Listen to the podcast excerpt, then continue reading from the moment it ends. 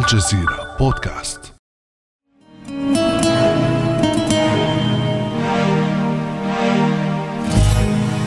Aprendimos a quererte desde la histórica altura donde el sol de tu bravura le puso un cerco a la muerte. Aquí se quedará خارجا من بين أنقاض هزائم سبعينيات وثمانينيات القرن الماضي اجتاح اليسار اللاتيني دول القارة الجنوبية مجددا من جبل الأنديز إلى سواحل البرازيل ليعود إلى سدة الحكم متكئا على أكتاف الطبقات الفقيرة.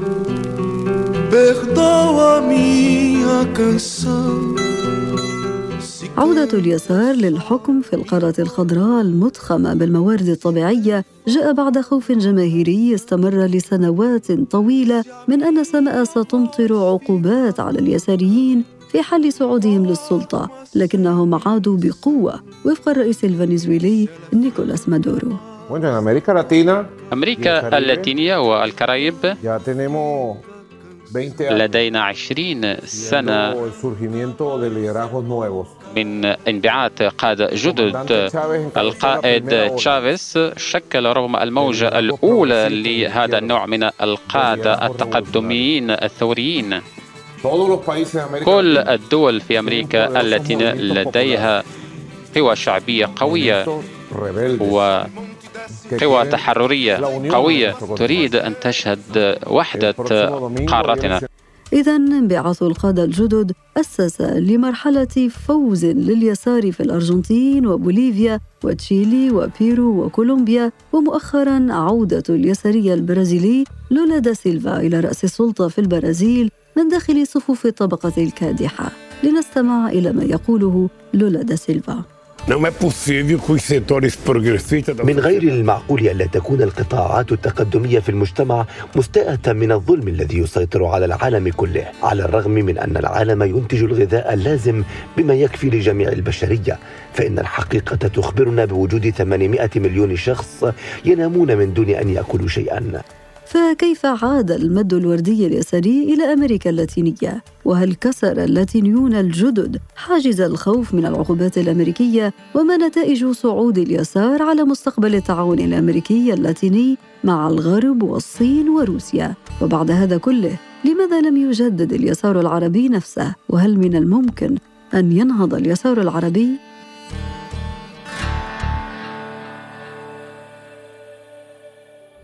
بعد أمس من الجزيرة بودكاست أنا أمال العريسي.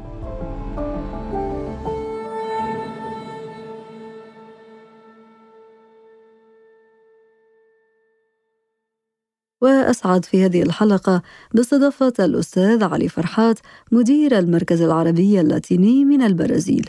أهلا وسهلا بك أستاذ فرحات. أهلا وسهلا أمال أستاذ علي من سانتياغو إلى بوغوتا إلى برازيليا. فجر يساري لاتيني جديد فكيف عاد اليسار؟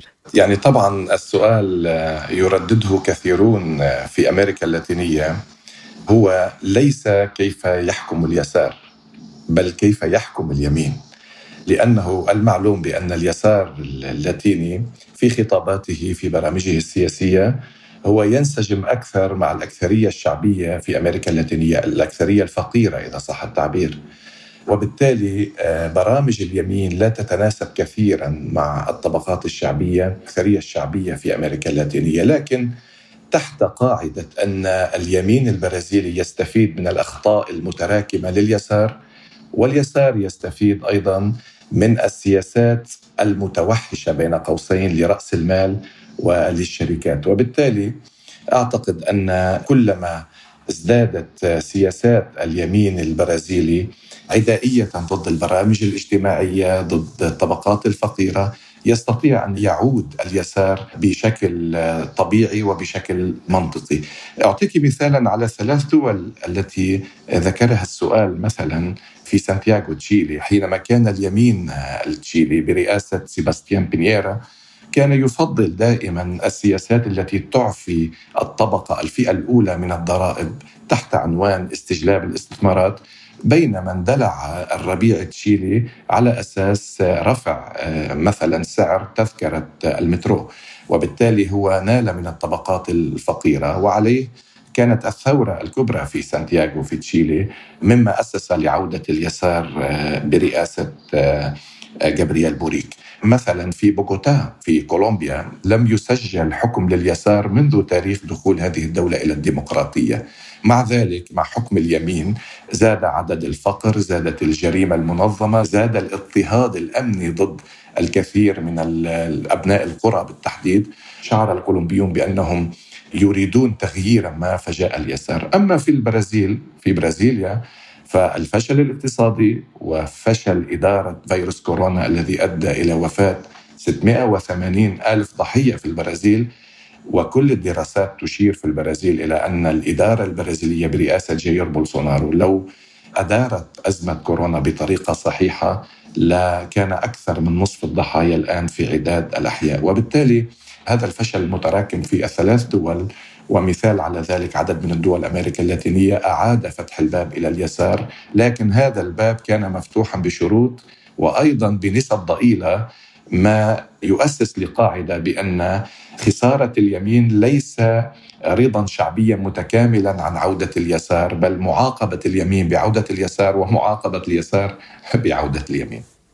وربما هذا يطرح الكثير من التحديات أمام هذا الصعود اليساري في دول أمريكا اللاتينية أستاذ علي ومن هنا نتساءل عن آه، إنه آه، هل تعني عودة اليسار إنه هذا الخوف أو عصر الخوف من العقوبات الأمريكية وحلفاء أمريكا قد انتهى؟ يعني دائما كانت الحكومات اليمينية في أمريكا اللاتينية كانت تتذرع بعلاقتها بالولايات المتحدة الأمريكية وبأن عودة اليسار المناهض للسياسات الأمريكية قد يسبب إشكالات اقتصادية، قد يشكل قطع في العلاقات، عقوبات وما إلى ذلك، لكن أعتقد أن الشعوب اللاتينية أصبحت تؤمن بشيء اسمه الاستقلال الذاتي والتعاطي مع واشنطن بالندية، يعني اليسار اللاتيني منذ فترة طويلة هو لا يحمل شعارات عدائية بالنسبة للولايات المتحدة الأمريكية.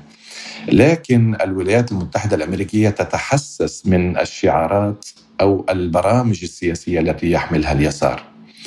وتدخلت ليس فقط على صعيد العقوبات ضد مثلا دولة مثل فنزويلا ومثل كوبا بل تعاطت الإدارة الأمريكية بتدخلات خارجة حتى عن القانون الدولي في أمريكا اللاتينية، أعطيك أمثلة في عام 2012 قادت الولايات المتحدة الأمريكية بالشراكة مع السياسيين في الباراغواي عملية الانقلاب الدستوري ضد اليساري فرناندو لوغو الذي كان يحكم الباراغواي وبالتالي استطاعت إنهاء الحكم اليساري الذي جرب للمرة الأولى وكان له عدة نجاحات على المستويات الشعبية.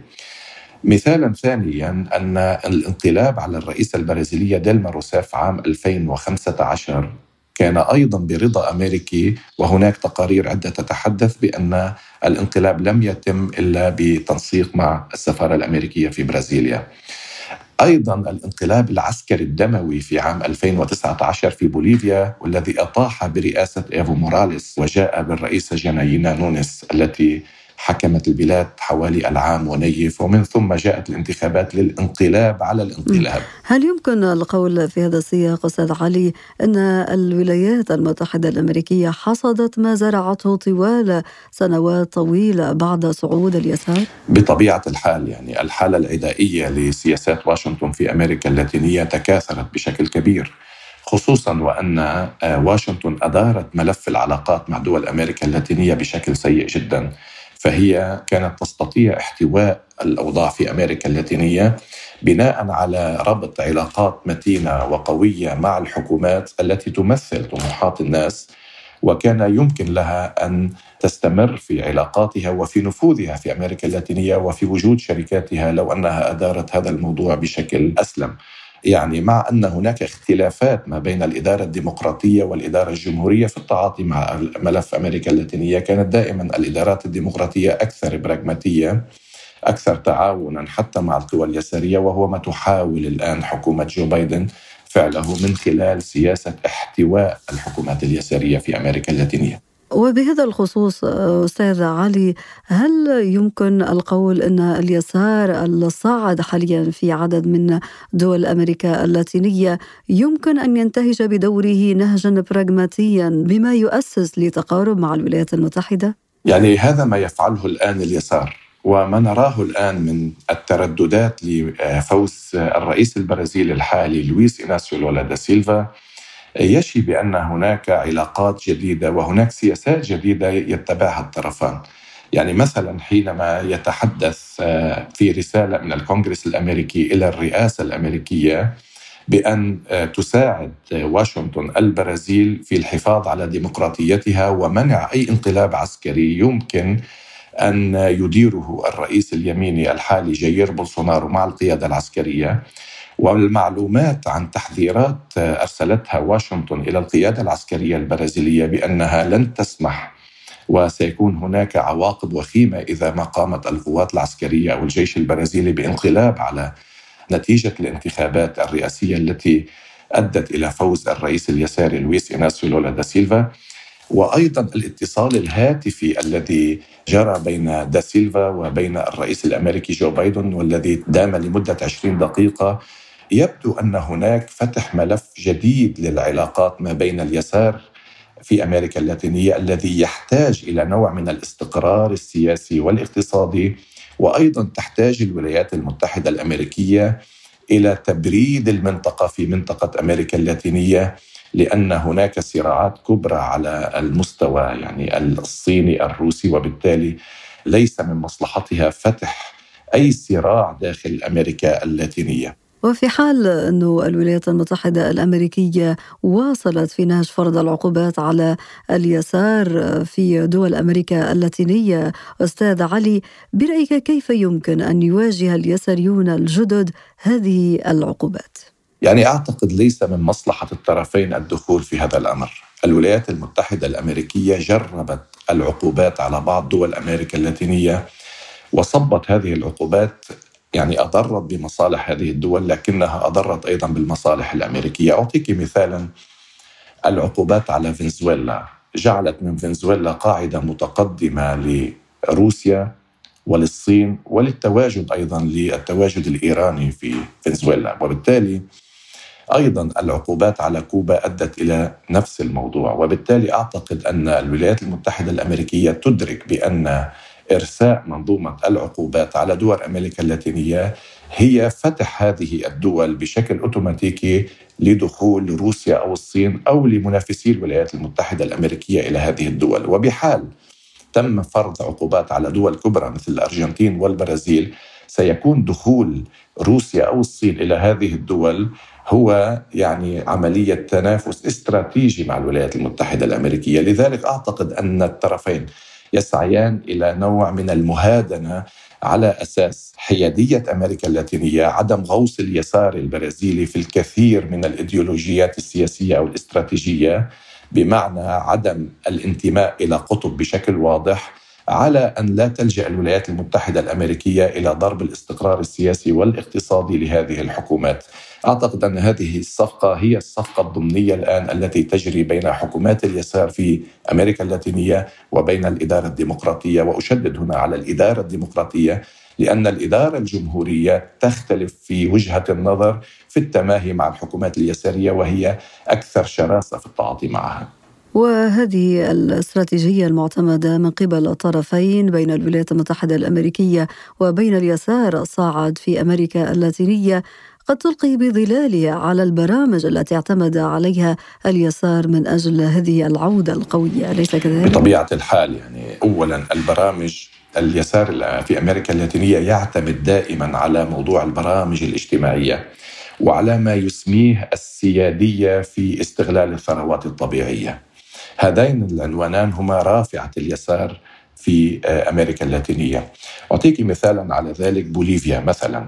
حينما أتى الرئيس إيفو موراليس وقرر فك التعاقد مع الشركات الأجنبية التي كانت تستثمر في أهم الموارد الطبيعية وهي الليثيوم والكثير من الموارد الخام النادرة في العالم.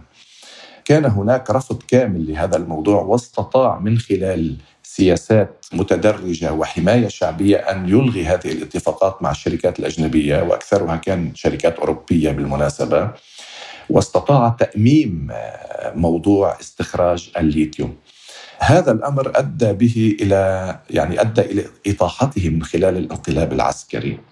ثم بعد عودة اليسار في بوليفيا أسس لمنطق الشراكات الندية فأتى بالشركات الصينية والروسية من أجل استغلال هذه الثروات. اليوم بوليفيا تحمل المثل اللاتيني في عملية التحرر الاقتصادي وتعطي مثلا جيدا في هذا الأمر حيث أن نسبة النمو فقط السبعة في المئة وهي أعلى نسبة نمو في أمريكا اللاتينية، أعتقد أن اليسار من خلال هذين الرافعتين البرامج الاجتماعية التي تحاكي موضوع الفقراء والمعوزين الذين هم يشكلون الأغلبية الساحقة في أمريكا اللاتينية وأيضا استغلال الثروات لصالح الشعوب وليس لصالح الشركات التي كانت تنتهج منطق الاستفادة الكبرى من هذه الثروات مقابل العمالة الرخيصة لأبناء البلد في أمريكا اللاتينية. وهذه البرامج التي أشرت إليها أستاذ علي فيما يتعلق بالرافعة الاجتماعية، استغلال الثروات وغيرها قد تصطدم بمصالح الولايات المتحدة الأمريكية خاصة وأن لها مراكز نفوذ في كبرى الشركات التي تستخرج المواد الخام. هنا نتساءل عن مدى قدرة اليسار في أمريكا اللاتينية على تنفيذ هكذا برامج. يعني بطبيعة الحال الولايات المتحدة الأمريكية الآن تدير أمور نفوذها الاقتصادي في أمريكا اللاتينية بمنهجية مختلفة، منهجية السيطرة أو محاولة أخذ الشركات الأمريكية لتلزيمات المواد الخام في أمريكا اللاتينية بالنمط القديم أصبح غير ممكن، استغلال هذه الثروات لصالح الحكومات أو لصالح المشاريع الاجتماعية تبدو كأولوية في أمريكا اللاتينية. أعطيك مثالا بأن مثلا كوفيد 19 وجائحة كورونا أظهرت للعلن أن البنية التحتية الصحية في أمريكا اللاتينية بالية جدا وبالتالي العدد الكبير من الضحايا الذي سقط في إبانة موجة كورونا أظهر بأن البرامج الاجتماعية أو البنى التحتية المترهلة كانت السبب الأساس في ارتفاع عدد الضحايا وبالتالي أصبح اليسار البرازيلي يقود عملية التحرر الاقتصادي من الشركات الأجنبية. هو مضطر لفعل هذا وبتغطية شعبية كبرى من أجل حماية الحماية الاجتماعية والحماية الصحية. أيضا الجريمة المنظمة وفقدان التعليم وما إلى ذلك. أعطيك مثالا بسيطا على هذا الأمر. عندما أتى لويس إناسيو لولا دا سيلفا عام 2003 إلى البرازيل كان مثلا على صعيد التعليم. هناك ثلاثة ملايين طالب جامعي فقط من أصل 210 ملايين نسمة في البرازيل. ولاحظ بأن الطلاب الجامعيين هم فقط من طبقة ثرية من الأغنياء فقط. وبالتالي أراد أو قرر لويس إناسيو لولا دا سيلفا دمج الفقراء من خلال أكبر برنامج للمساعدة التعليمية من إنشاء جامعات رسمية وأيضا تلزيم الجامعات الخاصة لإدخال أكبر عدد ممكن من الفقراء. خرج داسيلفا عام 2011 من السلطة وفي البرازيل ثمانية ملايين طالب جامعي. أعتقد أن التحرر الاقتصادي أو حتى لو أضر بالمصالح الأمريكية هم مضطرون لخوض هذه المعركة من أجل عدد من البرامج الاجتماعية. أهمها بناء المساكن للناس التعليم الصحة وهذا بعد جائحة كورونا أصبح أمرا استراتيجيا وأمرا مهما بالنسبة لدول أمريكا اللاتينية. وبالتالي يعني ليس في برنامج اليسار محاباة الولايات المتحدة الأمريكية من خلال تلزيمها المشاريع دون ارتداد هذه المشاريع على البرامج الاجتماعية الداخلية التي تبدو أكثر من مهمة من أجل التأمين الاجتماعي والتأمين الصحي في بلاد أمريكا اللاتينية. حقيقة هذه الصورة التي رسمتها أستاذ علي عن واقع اليسار في أمريكا اللاتينية وهذه البرامج إن صحت العبارة الجريئة التي ستدخلها في معركة مباشرة مع الولايات المتحدة الأمريكية وحلفائها يدفعني حقيقة للتساؤل لماذا تغيب هذه الصورة عن اليسار العربي؟ إذا كان اليسار يعني تعريفا تمثيل مصالح وتطلعات القوى الاجتماعية الفقيرة والمتوسطة فلماذا ظل اليسار العربي يعيش حالة غربة حقيقية عن قواعده؟ بالنسبة إلى اليسار العربي لعله لم يتبع المنهجية التي اتبعها اليسار اللاتيني. فاليسار اللاتيني كان صدى وارتدادا للحاجات الاجتماعية لآلام المواطنين ولذلك كان نتاجا داخليا وطنيا. يعني اليسار البرازيلي لم يكن يتأثر بالسياسات الخارجية لبعض الدول التي كانت تمثل رمزا لليسارية وكان يحمل برامجه بناء على متطلبات الداخل. لذلك استطاع أن يكون صدى لهذه الطلبات. بينما اليسار العربي في كثير من الدراسات كشفت بأنه يؤمن دائما بالفكر المستورد الذي ليس من الضروري أن يتطابق مع حاجات مجتمعه. لكن هناك يعني أمرين لموضوع غياب اليسار العربي أو فشل اليسار العربي، أمر موضوعي وأمر ذاتي، الأمر الموضوعي هو عدم وجود الديمقراطية في العالم العربي الذي يسمح بالتنافس وبإيصال البرامج وباعطاء الفرص لكل التيارات السياسية. أيضا اليسار العربي في المشكلة الذاتية بأنه يسار اعتمد فقط على الخلفية الخارجية وأيضا على الانقسامات الداخلية وفي بعض الأوقات ضياع الهوية فكثير من التيارات اليسارية كانت تعمل ضد القيم اليسارية مثلا مثل العدالة الاجتماعية، حرية الرأي، الديمقراطية وما إلى ذلك، وهناك أمثلة في العالم العربي من أحزاب تحمل الفكر اليساري وانتقلت فيما بعد ذلك إلى استخدام العنف والدكتاتورية والغاء كل القيم اليسارية من أجل الحكم والتسلط، بالإضافة إلى عدد من أمثلة الانشقاقات اليسارية في العالم العربي ما أدى إلى ضياع الهوية الأساسية لهذا التيار. إذا أستاذ علي هل يمكن القول أن اليسار العربي هو ضحية للأنظمة القمعية أم أن واقعه هو نتيجة لتماهيه مع هذه الأنظمة؟ لا نستطيع أن نقول ضحية هذه الأنظمة لأن في الكثير من الأوقات كان اليسار العربي مشاركا أو حليفا لهذه الأنظمة. لكن أقول بأن تطوير الخطاب اليساري كان منعدما نشوء تيارات يسارية جديدة تتأثر باليسار اللاتيني على سبيل المثال وهو يسار ينبع من متطلبات وحاجيات مواطنيه كان دونها التحكم السلطوي وغياب الديمقراطية في العالم العربي. أنا أقول بأن اليسار العربي هو ليس ضحية، هو مسؤول في كثير من المحطات كان هناك يعني وقتا ذهبيا لليسار العربي في الخمسينات وفي الستينات لم ينجح في تطوير نفسه في إعادة مراجعة الكثير من عقائده السياسية والاجتماعية كان مسؤول عن فشله وعن حتى ما يسميه الكثير من المفكرين اليساريين في العالم العربي بأفول اليسار أي غيابه بشكل كامل. وهل أضاع أيضا اليسار العربي فرصة ربيع العربي؟ بالتأكيد اليسار العربي كان يجب أن يتمسك في الثورات وأعطيك مثالا مثلا في لبنان كان هناك ثورة عارمة داخل المجتمع اللبناني. كان اليسار منقسما على ذاته حتى بات الطرف الأضعف في معادلات الثورة اللبنانية. وأيضا في ثورات العالم العربي كان هناك حوارا كبيرا أو ارتباكا كبيرا ما بين النظره إلى المستعمر الذي قد يكون هو العامل في إشعال الثورات وما بين العداء للأنظمة الاستبدادية في الداخل العربي. ليس هناك هوية واضحة لليسار. هناك ضعف متراكم في خطاب قديم وبالي. لم يشهد اليسار أي عملية تجديد في العالم العربي كما لم تتح له هذه المساحة. وبالتالي أعتقد أن اليسار قد يكون مشروعا مستقبليا.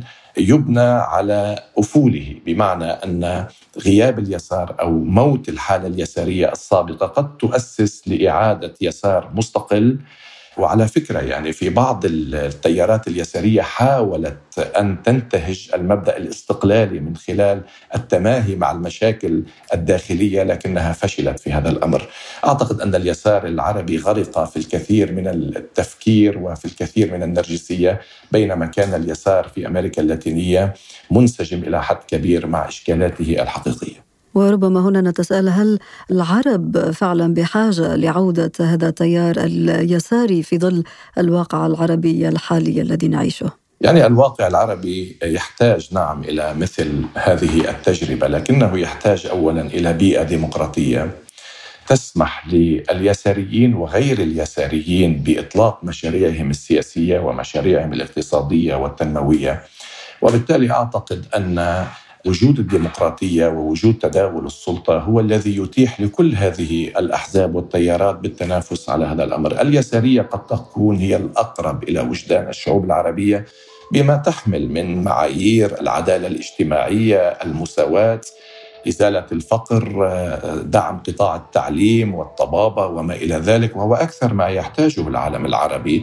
وقد تكون لهذه النظرة السياسية الفرصة السانحة والكاملة في العالم العربي وهي الأقرب إلى وجدان شعبه، لكن أعتقد أن تحديات العالم العربي اليوم يفوق هذا الأمر وهو إيجاد مساحة كبرى من الحرية وتداول السلطة الذي يسمح للكثير من التيارات ببناء برنامج يختاره الناس وينتخبه من أجل تمثيلهم في الإدارة السياسية. الأستاذ علي فرحات مدير المركز العربي اللاتيني من البرازيل شكرا جزيلا لك. شكرا لكم. كان هذا بعد أمس.